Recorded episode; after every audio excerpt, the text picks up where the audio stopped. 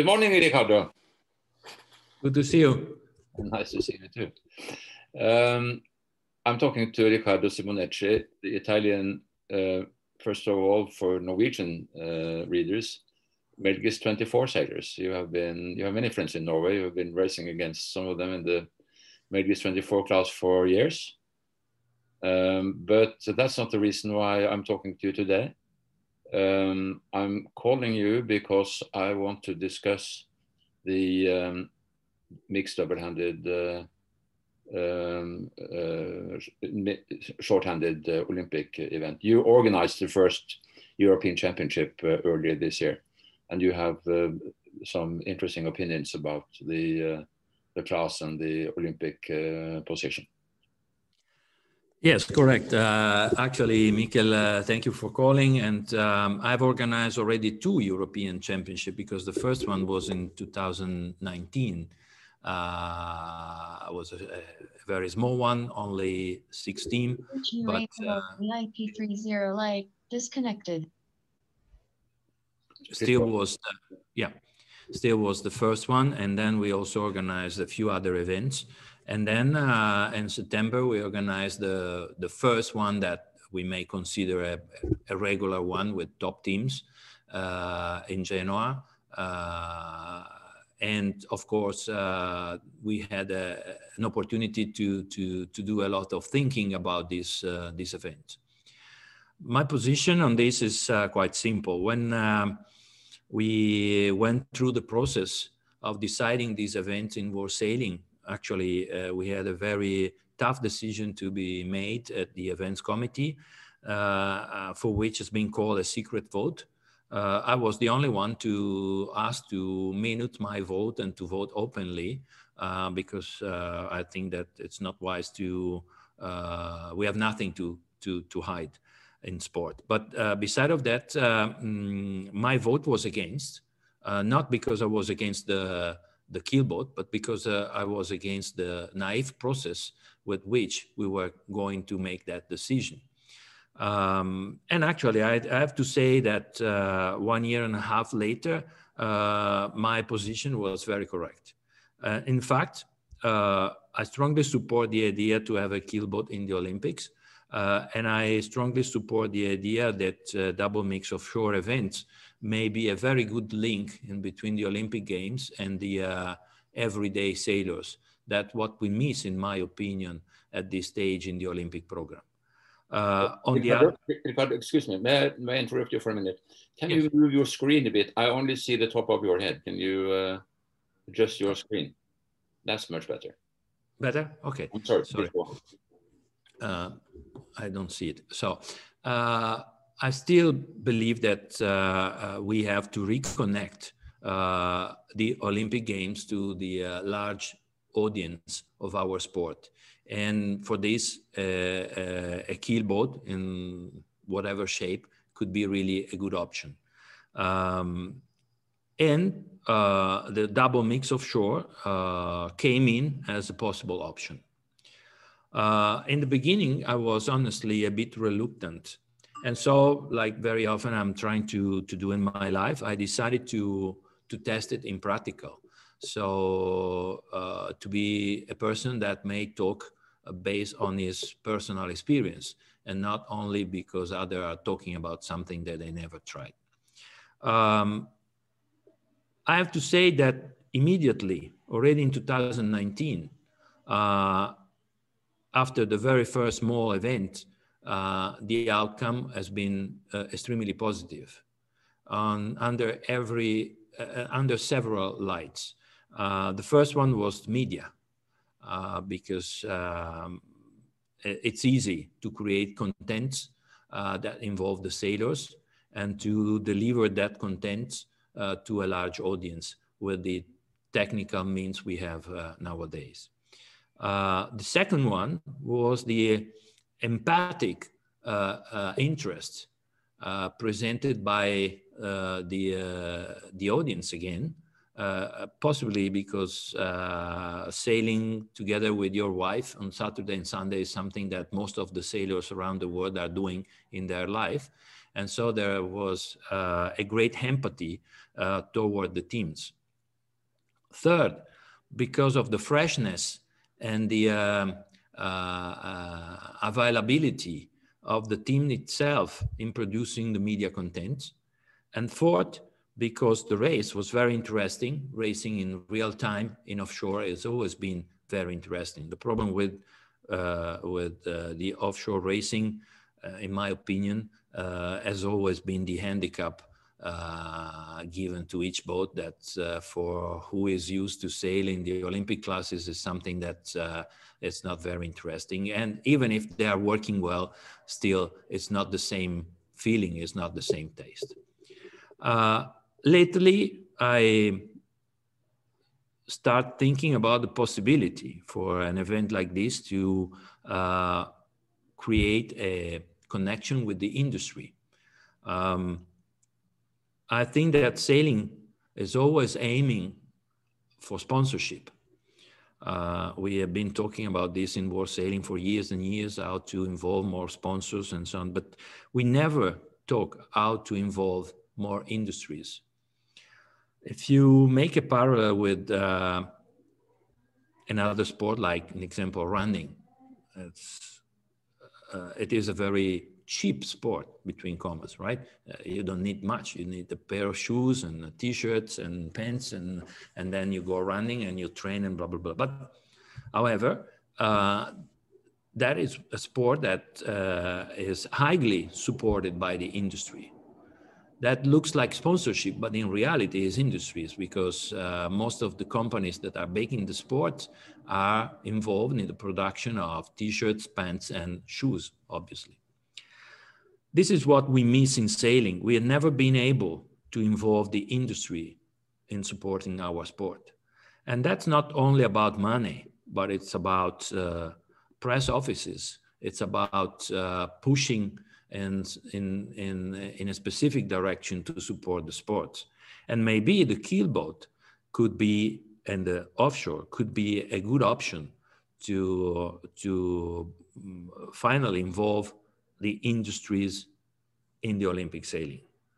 Uh, if we think about the Olympic program as it is now, uh, yes, there are some boatyards involved, but they are, I would say, more artisan than industry. Uh, top level artisans that produce a limited number of boats. The only one uh, we may consider like an industry is the, it was the laser. Uh, but the rest is in the hand of a few artisans uh, that are building enough boat for the needs of, uh, of the Olympic classes. And they are not supporting because they are doing their business in a, in a very uh, efficient way, but they are doing their business. I'm talking more in having uh, big companies, big industries that may have an interest in uh, support the offshore sailing and to be present at the Olympic Games. So this was the very first uh, experience.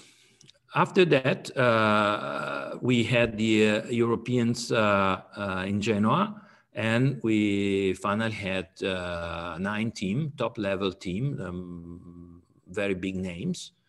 and I saw the enthusiasm uh, and I saw the interest of these names that are sailing professionally and the top level events in the world to be back into the Olympic circuit, uh, thanks to a boat that uh, gives them the possibility to, uh, um, uh, to, to, to use all the experience they have made uh, in the meantime from their last presence into the Olympic Games to, to the day of today. And I'm talking about people that has been sailing in the ocean race, that has been sailing in the America's Cup, that has been sailing in most of the major events outside the Olympic Games. And I believe that that is a big value for our sports because uh, if I have to look at the uh, sport life of a sailor, uh, it's not only being in the Olympic that basically is the very first part of your sailing career in most of the cases. Uh, okay, there are some exceptions, but uh, in the average, it's the very first part when you are in your younger years. You are aiming to the Olympic, and then you start uh, sailing in a professional level in many different kind of events uh, that present different aspects, uh, interesting aspects of our sports. And this may be an opportunity to bring that aspects into the Olympic Games, representing the uh, uh, the uh, um, the whole the I mean the, our sport as a whole. That it's not at the moment because it's only dinghy sailing. Um, most of them were really thrilled. I know that at the moment there are several nations that are training, organizing training in the winter uh, to prepare uh, these sailors. And the very last thing to say is that uh, the, after these two experience, what is becoming clear is that the events will be really uh, quite unique because it will be offshore for some aspects, but in the end will be like racing windward leeward for three days. So that will be the attitude that will came in. So the, the mix of the team I've seen was uh, definitely made by a good, uh, uh, let's say, dinghy sailors and a good offshore sailor together. Doesn't matter who was the one, the lady or the boy, but uh, uh, that was the mix that were working better than others because actually on a three days event uh, like it will be presumably the, the olympic games it will be uh, really uh, full speed uh, full throttle all the three days like racing in uh, in uh, in a normal windward leeward regatta. And this is what the guys have, have already shown. Um, and i think it will be very interesting. So the point now is that uh, if you want to train into that, you need to have a boat. We don't know yet which is the decision about uh, the boat. Uh, at the moment, uh, uh, the bias is going to a possibility of having a boat uh, to be announced six months before the Olympics. But I think that um, even this could be a, a, a, an option we also have to consider that we need both in the meantimes to create create the activity around uh, the world where these guys ca can confront one each other's on one side. On the other side, when you send people for three days out in the open sea, is uh, different from sending them sailing around a, a 0.7 mile race course in front of the harbor. So you bring on board a lot of responsibility. And also to have the responsibility for the boat, it's something that uh, uh, may work for the Olympics for sure, but uh, in, in the average and in the other years, may be a little bit uh, uh, an overload for the event organizers because they will uh, carry on the responsibility of the equipment to be provided to these sailors.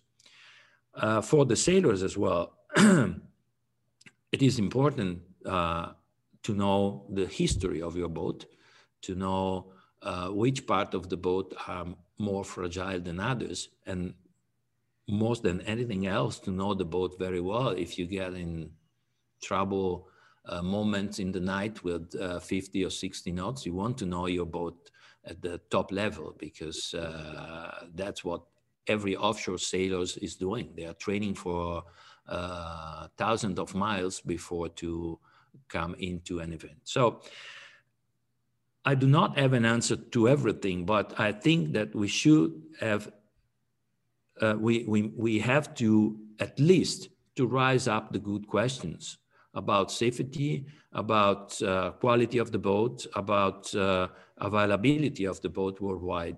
And uh, in my opinion, this has not been debated so far. Uh, and uh, whenever we talk about this event, there is a kind of a jump forward, talking only about the Olympic event. But it will be four years of activity uh, before of the Olympic. Right. So um, what we are saying is that uh, the uh, the lack of a class uh, a proper class in which they can train in good time before the Olympics is a real uh, uh, challenge here.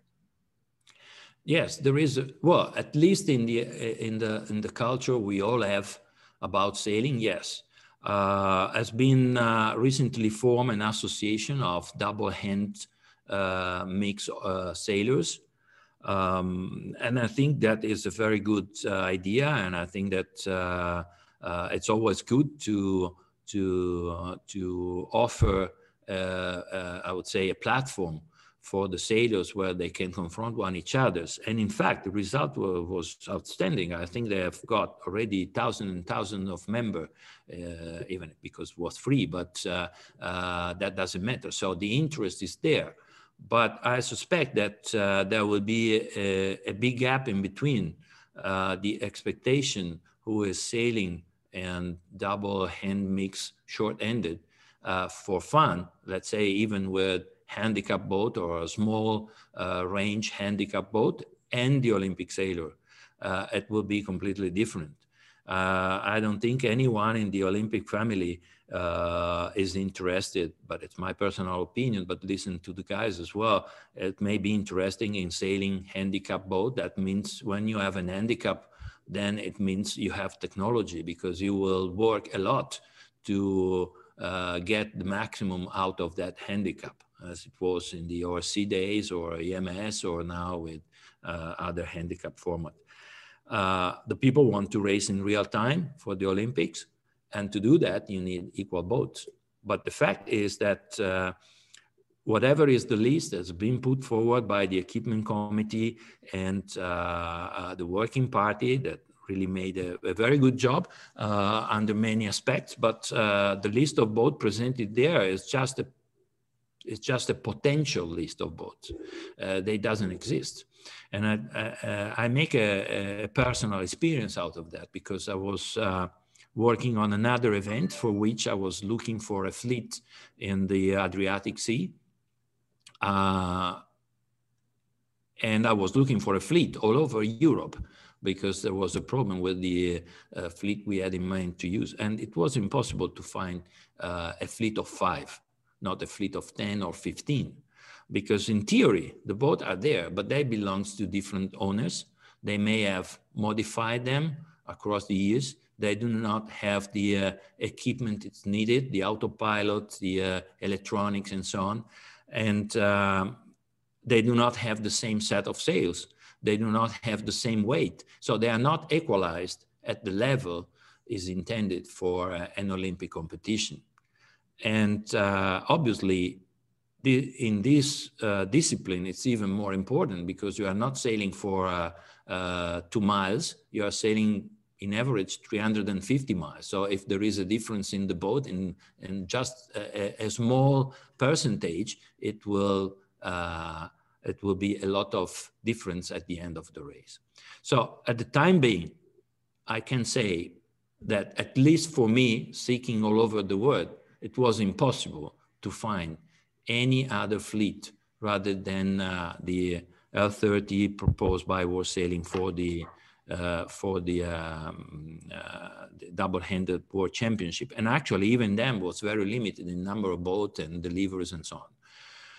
So I think there is a, there is an issue here that need to be addressed very quickly because we we are going toward the beginning of the next quad and uh, I, I hear that the athletes are really thinking to that and they really want to, to train. Ricardo, you, you have uh, some ideas there about uh, establishing new class, uh, cost-effective class, and to be built uh, all over the world. Can you explain that? Uh, yes, um, it's it's a kind of a brainstorming. Um, I I have to say that um, I would the divided the Olympic Games as an event from the rest of the quad. Um, I uh, I think we have to be open on that. I think that the French are pushing very much uh, uh, for this event into the Olympics, and um, I I support that because I understand their point of view. I mean, it's their sport. It's a very visible sport. Look at the Jacques Jacques Vabre in these days. Everybody watching it. So I really think there is a good link there, and I, I, and I understand and I respect the fact that the hosting nation of the Olympic Games is pushing for something that uh, it's very visible and valuable in his country. and I also think that because of the difficult economic time we are living, we have to respect every nation that is putting forward the efforts to host an Olympic Games because it's not new and it's a big, big effort. Uh, I can imagine that uh, they will be very happy to have a French boat provided for the Olympic Games, and I can definitely live with that. Uh, but this is just one part of the game. The, the other part is if you really want to have teams participating, you have to give this team the possibility first to train, but also to have a, a regular activity across the three years at least that will lead us to the uh, Olympic Games. And to do that, uh, the option of renting the boat time by time, in my opinion, is not economically sustainable because uh, whatever could be the price, but uh, it will always be around 800 euros a day. So if you want to stay for 100 days, that could be uh, nothing compared to what the Olympic sailors are used to uh, it would be already 80,000 euros, so almost the cost of a boat. So economically, it doesn't work, in my opinion. It's no, no sense uh, if you really want to train. So I think that uh, we may have a chance to, to make of this sport a property for World Sailing and also an asset for the sailors. I'm pretty sure that we can ask every one of the top boat designer or even making a bid for young boat designers, I don't know, something like that, just brainstorming, to offer a, a, a new boat design that will fit into some specific requirements uh, thought for this discipline and that will fit within a, a, a, specified range of price.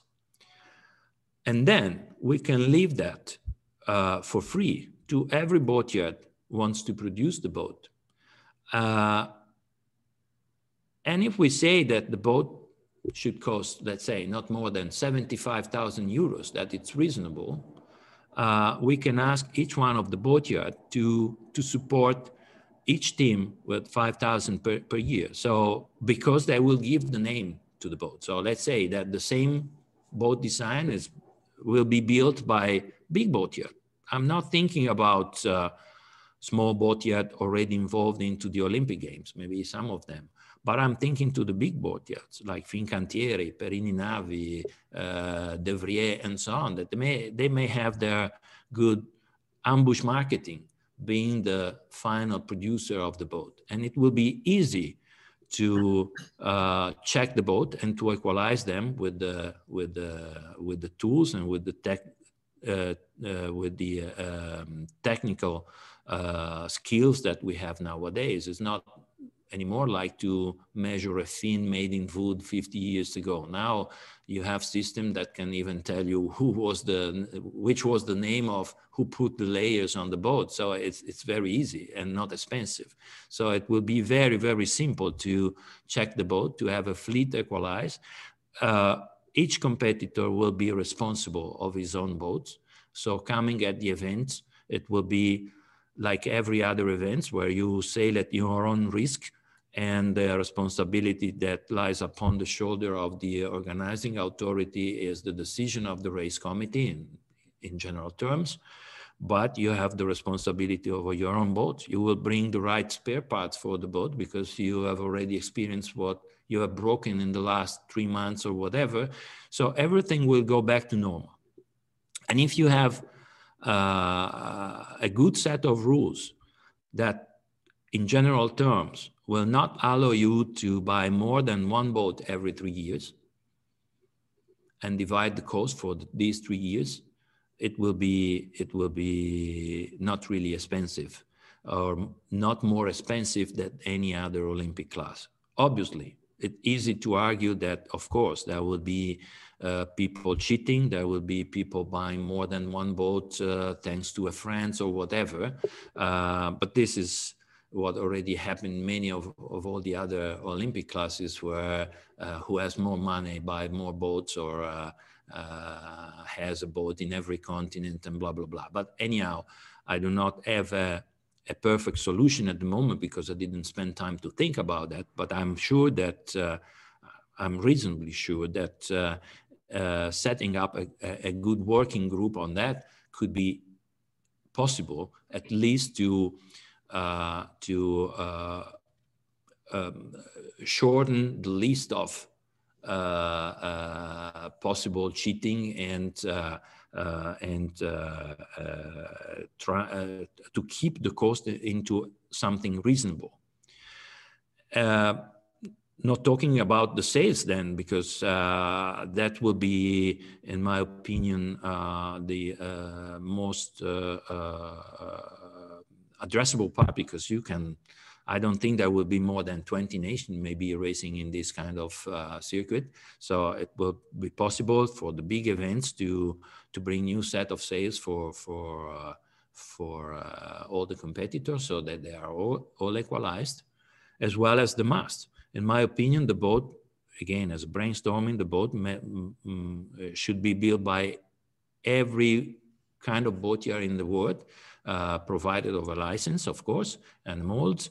Uh, the mast should be probably, uh, again, brainstorming, should be probably better to to have just one mast producer so that uh, the masts are exactly equalized one each other's and to keep the record who has, is buying mast and maybe uh, we can consider to to do that through the uh, member national authorities or something like that. I don't know. I, I, I don't know at the moment. Uh, I did again. I didn't spend time uh, on this brainstorming, and also uh, uh, I didn't want to do it alone because I'm sure that uh, there are a lot of valuable people that may bring good inputs. But I'm trying to to um, to to to to sign a direction to to to give a direction uh, a, a, a, little bit uh, thinking out of the box. And then we can come into details with uh, even more experienced people than i am. So uh, and find the proper solution. But i think we have. So what you are saying is that um, the um, the uh, event is a very good idea. And um, as we already have seen there is a lot of support for uh, uh, offshore uh, shorthanded. Uh, I think there are 1,600 members of this or new organization now, and yeah. um, and it's growing. And we see during the pandemic that um, it's um, it's very popular to be shorthanded sailing. And if you can do it in a mixed event, you know you you uh, do two things you promote uh, gender equality and you promote uh, short-handed sailing at the same time Correct so what we are saying is that it's, it's a, very good idea. The challenge is to have a class for the 2024 Olympics. So, so the, the class may not be ready for Paris 2024 yet. Uh, it, it is a risk. I'm, I'm, I think that, to be honest, I think that there will be a boat for the Olympics. I'm not worried about that because I'm sure that uh, there are a lot of ongoing uh, uh, efforts, and I think that for the Olympic program, a boat will be there. That's what it is my understanding. Uh, and in fact, I'm not very much concerned about that. My point is that I'm concerned about the three years to get there, three and a half years to get to the Olympic, because uh, uh, the attitude of the Olympic sailors and, and sailors at that level is to have an activity to be held across the years for, for, for many reasons. And um, I'm not, I'm a little bit skeptical on the fact that this level of activity may be achieved in the next two or three years if we do not act promptly, uh, trying to uh, find solutions that are uh, affordable. Uh, today, I was talking with uh, uh, an Italian team. Uh, they call me asking, "Well, what do you think?" now there is a lot of talking about the Olympic program will probably drop out the uh, um, the offshore events from the Olympic. I said, "Well, nobody knows. If someone is saying that." Uh, it's taking a big risk because nobody knows. Uh, and looking at the recent election in World Sailing, I have to say that, to say the least, there will be a very splitted uh, uh, position to that, let's say a 50 50. But at the time being, uh, the decision has been taken.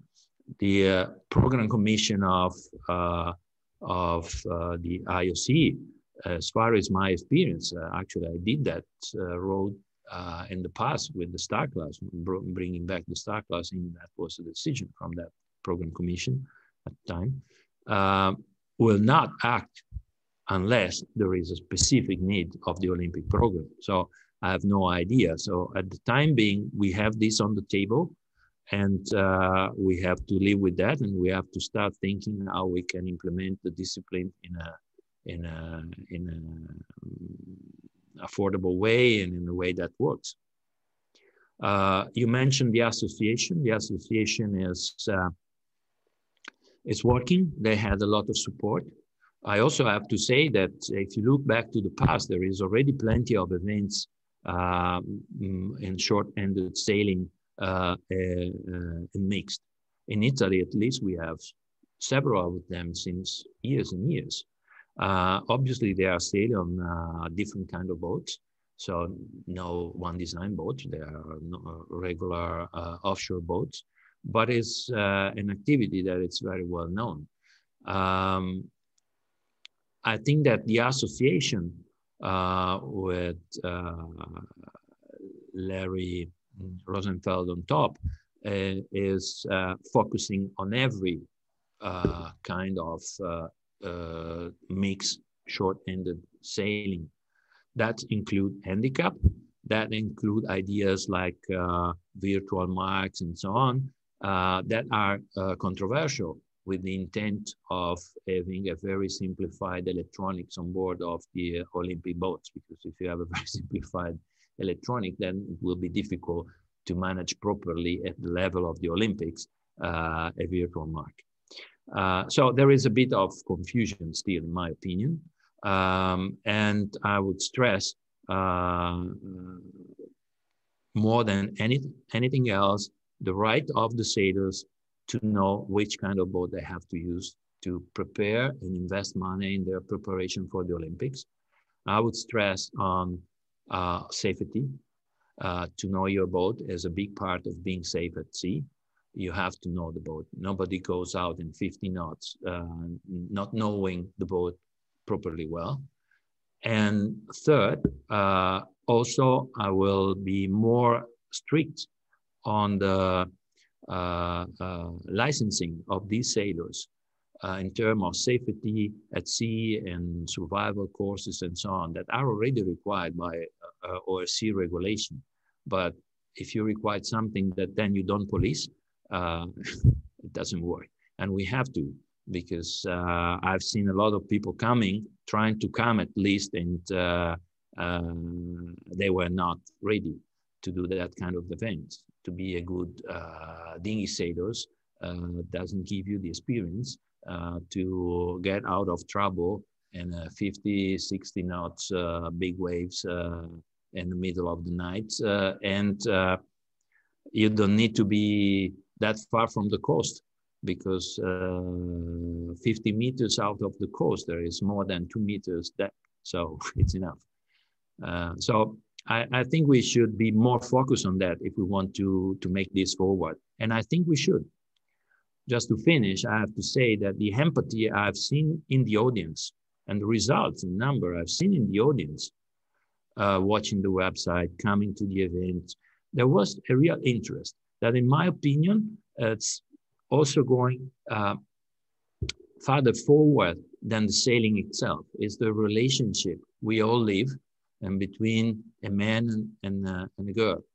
And that it's also interesting for the non-sailing people. They come and they watch and they were the peer, they were making questions. Oh, one lady, one boy, and now that can leave even stupid question, who is cooking? Uh, and this stupid question. But this, these are contents that give us uh, uh, arguments to promote sailing and to make sailing more popular. If we make it super technical and super, super, super technical, difficult to be understood that it's already is, we, we cannot uh, really aim to have a, a bigger audience. And that will be a spiral going down to smaller numbers year by year. So I think we have to really take the opportunity to reconnect first the base with the Olympic, and secondly to reconnect the sport with uh, uh, its uh, vast majority of stakeholders that we all have in every harbor everywhere in the world.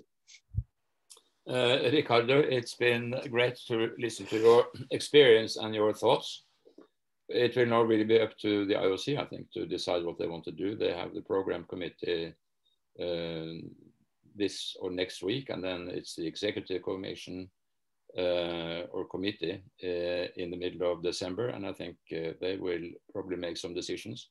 So we will know. But um, but your input is very valuable, and um, it's possible to draw a conclusion from that. Uh, uh, double-handed mix is a great idea, but maybe not for the first Olympics uh, unless we have a solution to find a good class. All right. Thank you very much, Riccardo. Have a good day. Thank you, Mika. Thank you. Have a good time. Bye. Bye.